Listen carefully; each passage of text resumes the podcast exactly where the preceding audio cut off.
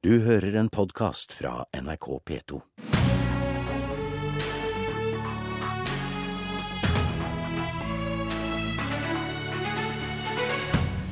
Velkommen til eh, Politisk kvarters eh, juleduell, Siv Jensen. Takk for det. Og til eh, deg, Knut Arild Hareide. Tusen takk. Vi har invitert dere til å oppsummere året, og filteret vi legger foran de politiske brillene, er da forholdet mellom Frp og KrF. Vi begynner med slutten. Denne samtalen er spilt inn i opptak 18.12., så her vi står nå, så er det to døgn siden statsrådsskifta ble kunngjorte. Siv Jensen, når du og statsministeren gjør vurderingene av hvem som skal ut, og hvem som skal inn i et nytt regjeringsteam, er da forholdet til samarbeidspartiene en del av den vurderinga? Det er jo sånn at eh, det er alltid veldig vondt å skulle takke av statsråder som har gjort en veldig god jobb. For eh, Fremskrittspartiets vedkommende så var det Robert Eriksson i denne omgang. Eh, men det er også sånn at jeg har vært opptatt av hvordan vi kan bygge nye profiler for å fortsatt videreutvikle Fremskrittspartiet. Og jeg har vært opptatt av å ha et godt lag i regjeringen som kan gjøre en god jobb for landet. Så først og fremst partiet og regjering, ikke samarbeidspartiene? Altså, det er jo sånn at eh, statsrådene må samarbeide med alle partier i Stortinget, men særlig med Kristelig Folkeparti og Venstre. Og det er en oppgave alle statsråder har. Eh, og jeg er helt sikker på at det er en oppgave alle tar på høyeste alvor. Knut Arild Hareide, tror du at den nye regjeringssammensetninga kan endre forholdet mellom ditt og Siv Jensens parti?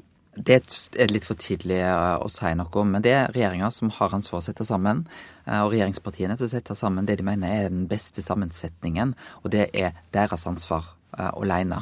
Men det kan vel prege forholdet? Du rakk jo å signalisere hva du mente om Per Sandberg som eventuelt innvandringsminister? Det er regjeringa som bestemmer hvilken statsråder de skal ha. Nå har jeg lagt merke til at Per Sandberg har gått aktivt inn som fiskeriminister, og jeg har sett han allerede lagt gode fiskeretter på TV 2s morgensending. Og det kjennes nok av og til litt mer behagelig enn den Per Sandberg har hatt de siste to åra. Ok, Så du ser det som en fordel, dette? Jeg tror, vi, jeg tror det er politikken som er det, det viktigste. Og selv om vi òg har tøffe politiske dueller. Per Sandberg så har vi respekt for hverandre, men vi har vært uenige.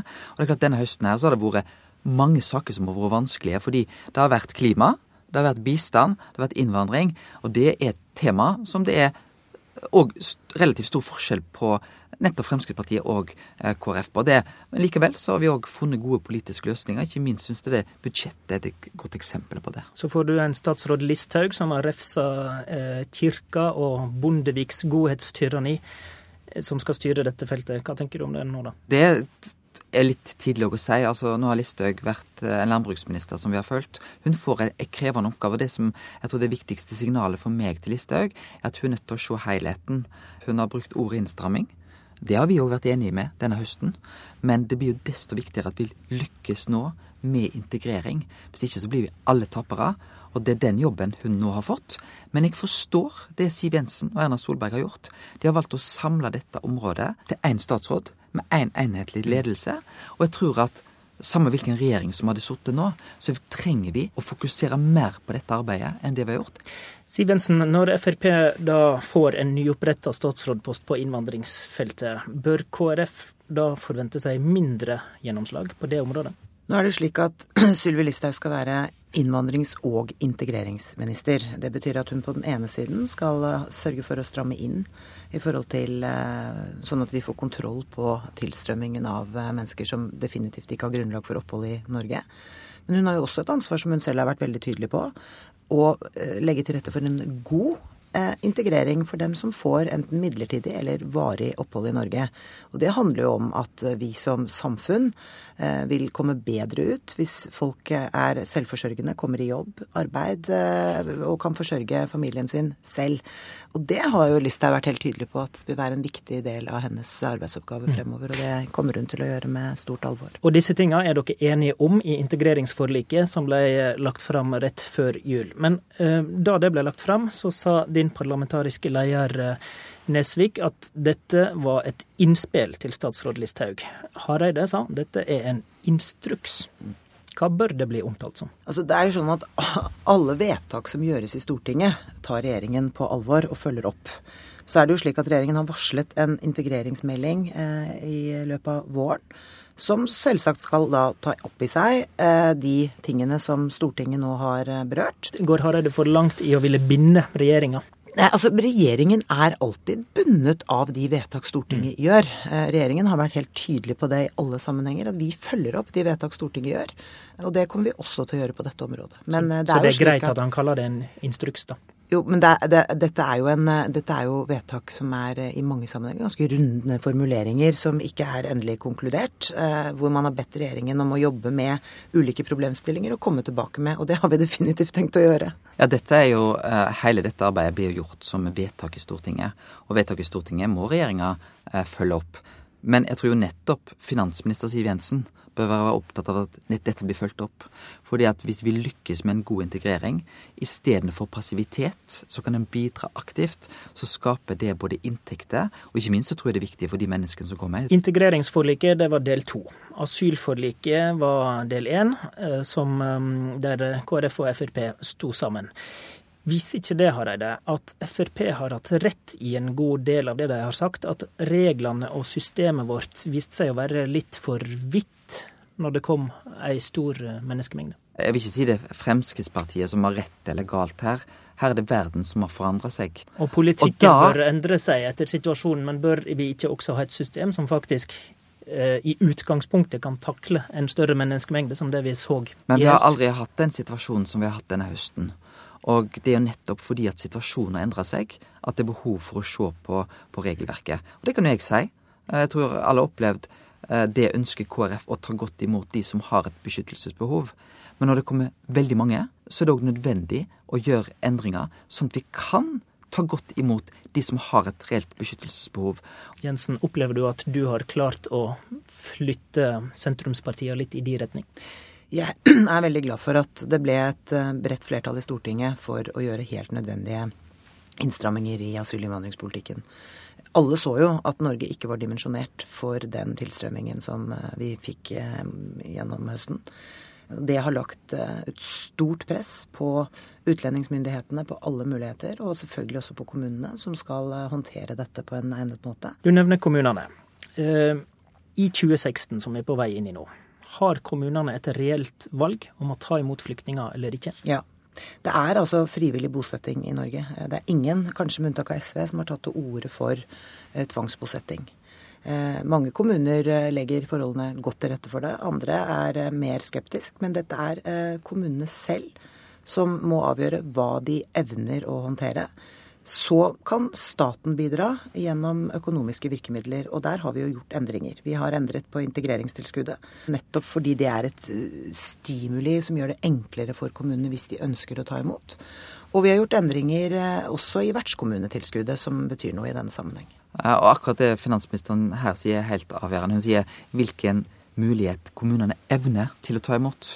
Og det ligger jo i det forliket som ble nå vedtatt like før jul, og som ble enighet om der, var det jo nettopp at vi må gjøre kommunene bedre i stand. Men du ble veldig provosert i valgkampen da Siv Jensen eh, oppfordra kommunene til å kunne si nei.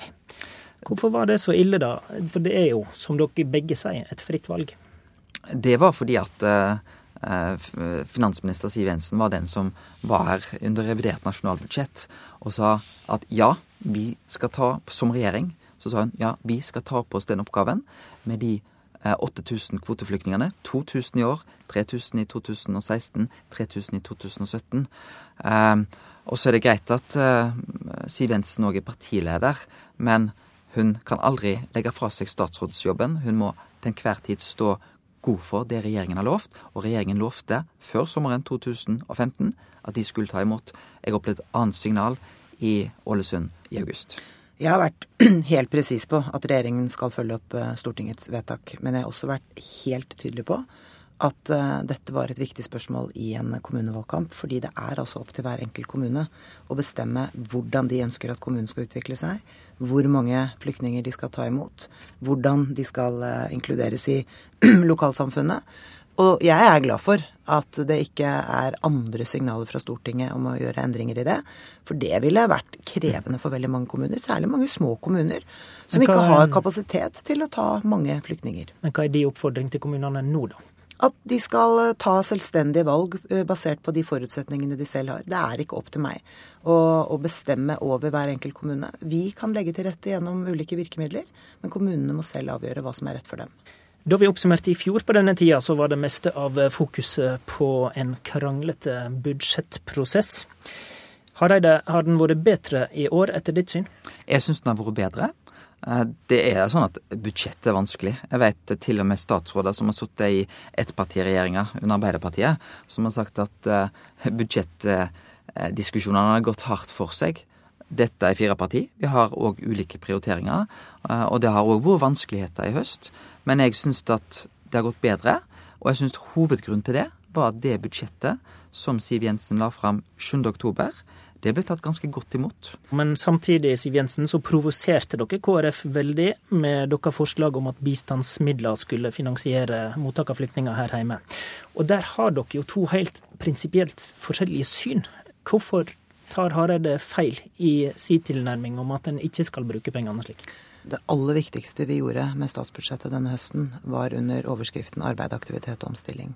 Dette selvsagt har mye av diskusjonen denne høsten handlet om asyltilstrømming. Men det er altså mange mennesker som mister jobben. Det er en økende arbeidsledighet. Vi er inne i en eh, lavkonjunktur for norsk økonomi. Når det gjelder, Og til det jeg spør om. Når Gjelder bistand, Hvorfor tar han feil? Han tar ikke feil. Jeg har, stor, jeg har stor respekt for at Kristelig Folkeparti er opptatt av bistand. Men så er det slik at vi har denne såkalte ODA-mekanismen, som gjør det mulig for det må oss du forklare. Ja, som gjør det mulig for oss å bruke bistandspenger på nyankomne flyktninger i Norge første året. Det er en mekanisme som mange regjeringer har brukt gjennom årene, fordi den er eh, en anerkjent OECD-mekanisme, og som flere land bruker.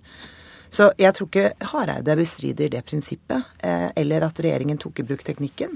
Men han ønsket seg at vi skulle gjøre det i mindre skala, og det er helt greit. Eh, og det var en del av budsjettforhandlingene. Ja, og det ble jo veldig viktig for KrF å få gjennomslag. Og vi opplever jo at vi flytta 2,5 milliard nettopp til å sikre at det ble brukt 2,5 milliard mer på verdens fattige. Og da litt... kommer denne krangelen til å komme igjen i de neste budsjettrundene? Det vil jo være helt avgjørende etter hvor mange flyktninger som kommer hit. Og det er jo det som har vært litt krevende, er at når antallet flyktninger går opp, så blir dette et større utfordring, samme hvilken regjering som, som sitter. Et mye omtalt tema i vår og i valgkampen, det var søndagshandel. Ehm, og det var vel der KrF var nærmest å formulere ultimate krav. Men så etter valget så ble det jo helt stille om den saka. Eh, og før den nye kulturministeren nå rett før jul eh, nevnte temaet, så begynte jeg å lure på om dette var stille lagt bort. Hva skjedde egentlig med den saka, Siv Jensen? Jeg har registrert at den nye kulturministeren nå sier at uh, vi må finne en, en, alternativ tilnærming til dette. Og det er jeg helt sikker på at hun kommer til å gjøre sammen med eh, Kristelig Folkeparti og Venstre på en god måte. Men det er jo ikke noen hemmelighet at i dette spørsmålet så står KrF og Fremskrittspartiet i utgangspunktet langt fra hverandre. Det er ikke hemmelig. Men hva skjedde egentlig med saken etter valget? Hadde, Nei, jeg, hadde, jeg skal være så ærlig å si at jeg hadde gått og håpet at regjeringen har helt glemt denne saken. Ikke bare lagt ned skuff, men faktisk også makulert hele forslaget. men det, eh, men det, får vi, det får vi se. Eh, det er ikke tvil om at eh, for KrF så handler dette om at jeg tror det er godt å ha en annerledes dag i vekka. Men, men, vi kjenner argumentene dine. Men, men, men hva skjer om ja, den blir tatt opp igjen? Det vet jo ikke jeg. Fordi at det er jo sånn at regjeringen hadde sitt forslag. Det har de nå konstatert. Det er det ikke flertall for. Så er det jo sånn at partiet Venstre har en tilnærming som er nærmere regjeringa enn det alle andre partier har. Så spørsmålet er jo eventuelt om det er regjeringa og Venstre som finner fram til en hybridløsning. Jeg har lyst til å advare mot det. For jeg tror at hvis enkelte kommuner får lov, enkelte distrikt, da blir det veldig vanskelig. Da blir det et regelverk som er konkurransefridende. Og jeg tror modell i dag, den er ikke fullkommen, men to tredjedeler av befolkningen sier at det er den vi vil ha. Jensen, ønsker regjeringa fortsatt å innføre en eller annen form for mer eh, tilgang til søndagshandel? Altså, vi har gått til valg på det, eh, og det står i vår plattform. Så det er ikke skal... lagt bort? Nei, men eh, det er riktig som Hareide sier. Det er ikke flertall for det synet som regjeringspartiene har. Og da må vi i så fall finne frem til en mildere løsning i samarbeid med Venstre. Men hvordan dette nå blir, Det gjenstår å se, og jeg tror ikke Hareide og jeg skal forhandle det her og nå i jula. Det bør vi gjøre. Det hadde vært en fin løsning, spør dere meg. Fortsatt god jul, Knut Arild Hareide og Siv Jensen. Tusen takk. God jul. Du har hørt en podkast fra NRK P2.